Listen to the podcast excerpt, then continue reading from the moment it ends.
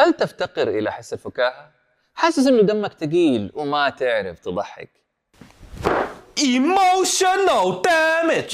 المشكلة دي حتنتهي اليوم. أضغط زر الاشتراك ويلا نبدأ.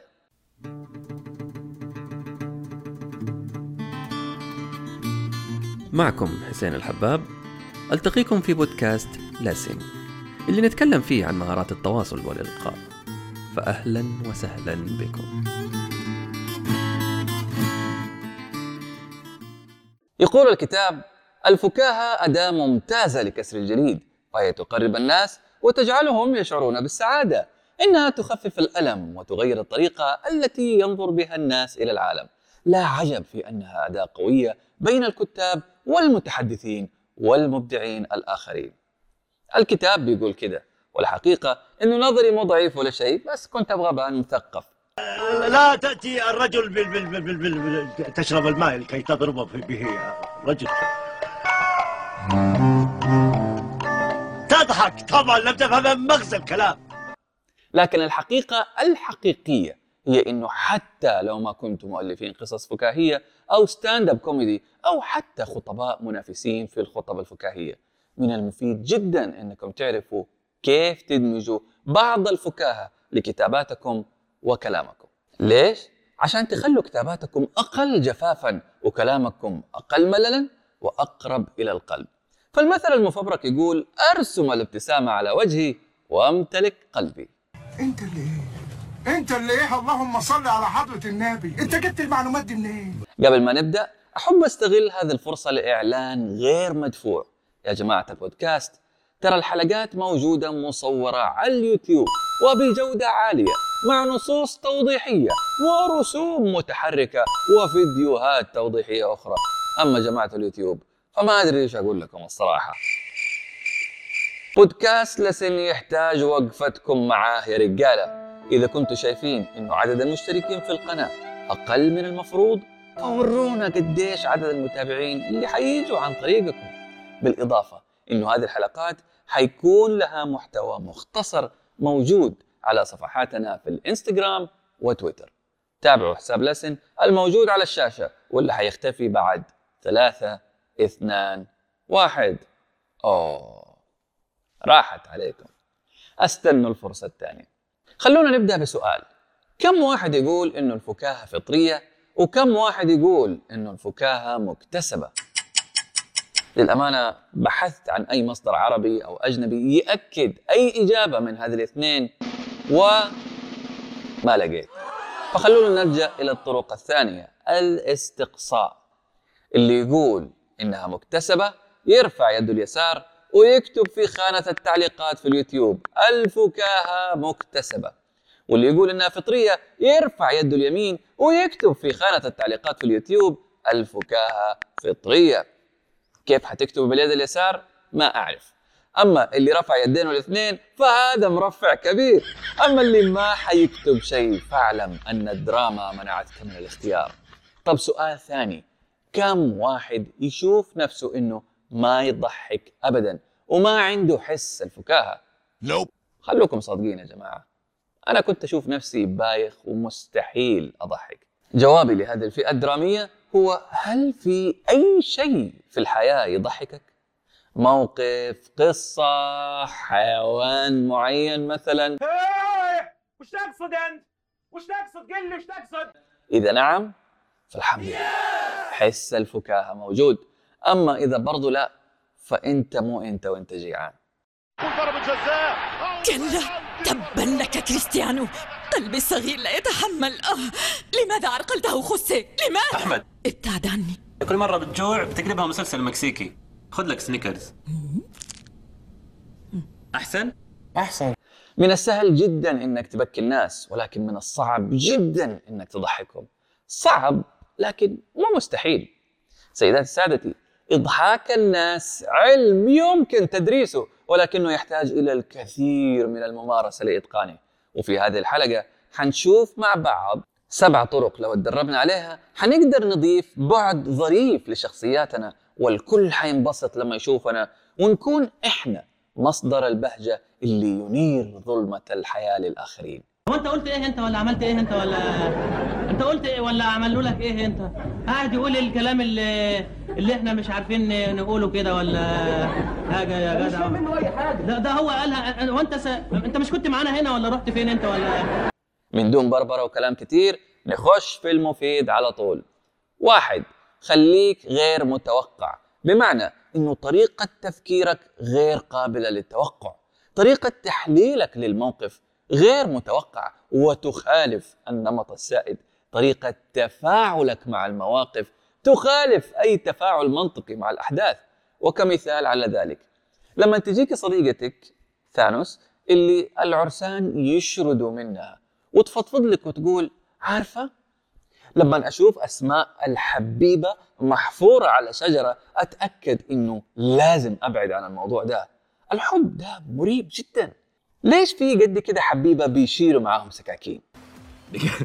بجد حاجة غريبة قوي فلو حللنا الكلام حنلاحظ إنها خالفت التوقع الرومانسي للحدث اللي شافته وشطح تحليلها على آلية الحفر المستخدمة. وبالتالي من وجهة نظرها الحب تحول من شيء جميل إلى مريب. الله أكبر الله أكبر الله أكبر. اثنين تحدى المستحيل. أدخل في تحدي مع قوانين الكون. تحدى قوانين الفيزياء البديهية تحدى الواقعية مو بس كذا تحدى حتى الخيال. واستكمالا للمثال السابق ومن باب خذوا الحكمة من أفواه المجانين. صاحبتك محاربة العرسان. جاتكم في مكان عام وقالت لكم لحد يتزوج حبيب حفر اسمك على شجرة لأنه حيقتلك وحأضطر إني أرجعك للحياة عشان أقتلك مرة ثانية. فصديقتنا ثانوث تحدت قانون الكون والواقعية بأنها تمتلك القفاز والأحجار الستة. ثلاثة فصل بزيادة بمعنى إنك تكثر شطة يا مدير. عفوا. اندمجت مع الجوع أقصد كثر تفاصيل في الوصف. واحشر في الوصف تفاصيل غريبة. وأرجع كرر التفاصيل الكثيرة مرة ثانية وزود بهارات في التفاصيل الغريبة. فمثلا من مواصفات فارس الأحلام طوله أكثر من متر وسبعين عريض المنكبين جسم مثلث وسيم وعنده شعر ونظراته الثاقبة ويتمرن صدر كثير يحب السفر ويحب الكافيهات فلوسه ما تخلص وعيونه تشوف كل البنات وحشين إلا أنت. ده ما يتسابش ومن مواصفات فارسة الأحلام طولها أكثر من متر ونص جسمها كوكاكولا والشعر بس في راسها. تلعب رياضة وتلعب سوني وتحب الطبخ لكن ما تحب تاكل كثير. وفلوسها كثير وتحب تصرف على زوجها وعيونها حلوة لأنها تشوف من الرجال فقط. زوجها هو أرجل الرجال. هي فين الأنثى دي يا حاج؟ وفي المثال السابق لاحظنا المواصفات المفصلة بزيادة في مواصفات العرسان واللي بعضها كان فعلا من أرض الأحلام. طب خدوني معاكم. خدوني معاكم. أخوك الصغير. وهتعلم والله. أربعة. أغسل نفسك أولا. ليش؟ لأنه النظافة من الإيمان. ولا ترمي الناس بالحجارة وإنت بيتك من قزاز. لازم يكون قزاز بيتك مكسور في الأول. وكمان عشان تتجنب إنه أحد يغتالك بعد ما تخلص كلامك. اجمد كده ولا مش لا بص ما تعيطش. مش عايزك كده. ها؟ اجمد.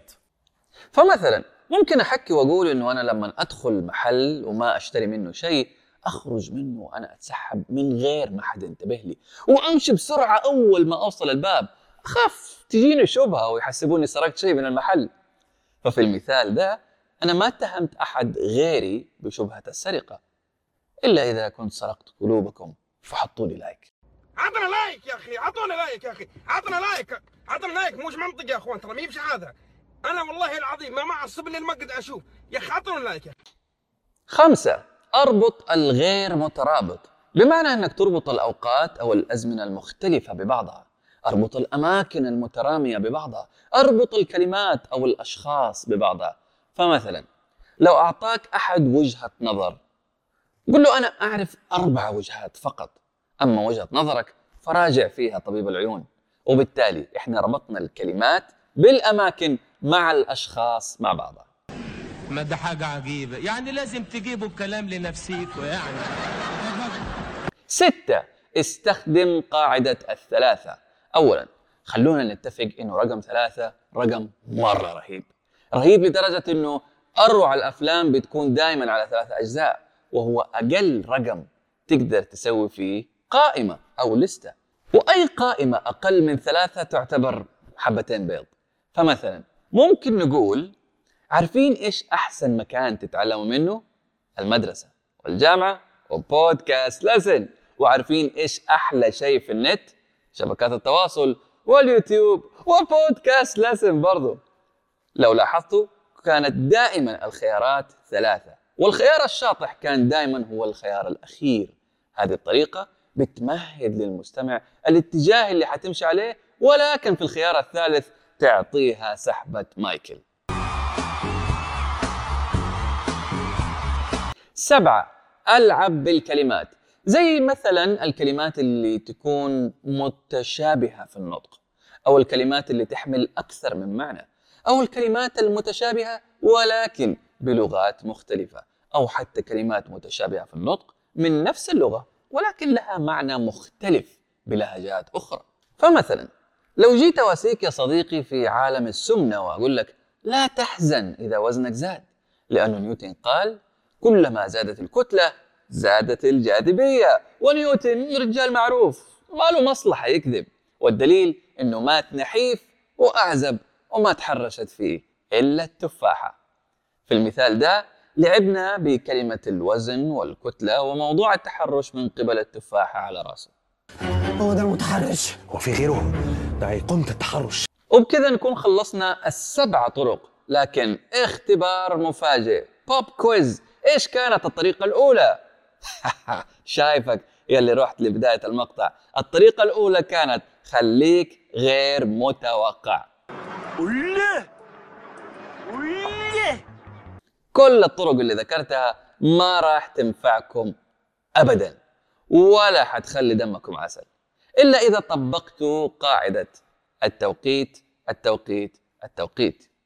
هي طبعا على غرار حقين العقار اللي يقولوا location location location بس ده مو موضوعنا. حاول دائما تخلي الصدمة في آخر الجملة. توقف قبل الكلمة الأخيرة المضحكة وابني النكت على بعض وابدأ بسحب الابتسامة في الأول. بعدين أقتلهم ضحك في المنتصف وحتلاقيهم بيسخسخوا ضحك على نفسهم على أتفه شيء تقوله. فمثلا تبدأ تقول عارفين إيش هي أدوية جيل الطيبين؟ عسل وفيكس وسيفن أب. في بنت واقف فوق رأسها عصافير ليش؟ لأنه اسمها غصون. الأستاذ بيسأل طلابه ليش إجاباتكم في الاختبار نسخة من بعض؟ الطلاب يقولوا له لأننا درسنا نفس المنهج الله يقطع شيطانك يا حسين. لا تخجلوا أبدا من أنكم تضحكوا على نكتكم. فالضحك معدي. وبكذا نكون وصلنا لبعض النصائح الجديرة بالذكر. حط في بالك أنت وهي أنكم حتفشلوا. وحتفشلوا كثير. وحتنكتوا والناس ما تضحك معاكم. يمكن البعض حيجاملك وحيبتسم لك في البداية ولكن تأكد أنك حتتطور لو كملت في المحاولة. فحاول تعيش حياة مرحة. صاحب الناس المضحكين ألعب مع الأطفال الفرفوشيين تابع حسابات النكت والميمز أتفرج على أفلام الكوميديا أحتفظ بالنكت المضحكة وسجل أحداثك الظريفة. كانت هذه بعض الطرق اللي لو تدربتوا عليها ومارستوها بشكل متكرر حتطلقوا الفكاهي الذي بداخلكم. أصحابكم حيكتروا. الفرص الجديدة في حياتكم حتتقرب ليكم. ونفسيتكم ونفسية اللي حواليكم حتصير أحسن وأحسن. أتمنى أنكم تستخدموها لفعل الخير فقط. ولا تنسوا الاشتراك في القناة لأنه الحلقات الجاية حتكون مولعة. والضغط على زر الإعجاب إذا كنت شخص محب للحياة. ومشاركة الحلقة مع كل شخص حابب يضيف عنصر الفكاهة في حياته. أو أنت شايف أنه يحتاج يضيف القليل من المرح في أسلوبه. ومتابعتنا على مواقع التواصل الاجتماعي تويتر إنستغرام وفيسبوك اللي حتختفي بعد ثلاثة اثنان واحد. أوه. بس تراها موجودة في وصف الحلقة. واكتبوا لنا إجاباتكم عن سؤال الحلقة. هل حس الفكاهة فطري أم مكتسب؟ في خانة التعليقات أو على الهاشتاج أصدقاء بودكاست لسن. وإلى أن ألقاكم في حلقة جديدة أتمنى أن يكون أفضل ما في يومكم. أسوأ ما في الغد. إلى اللقاء.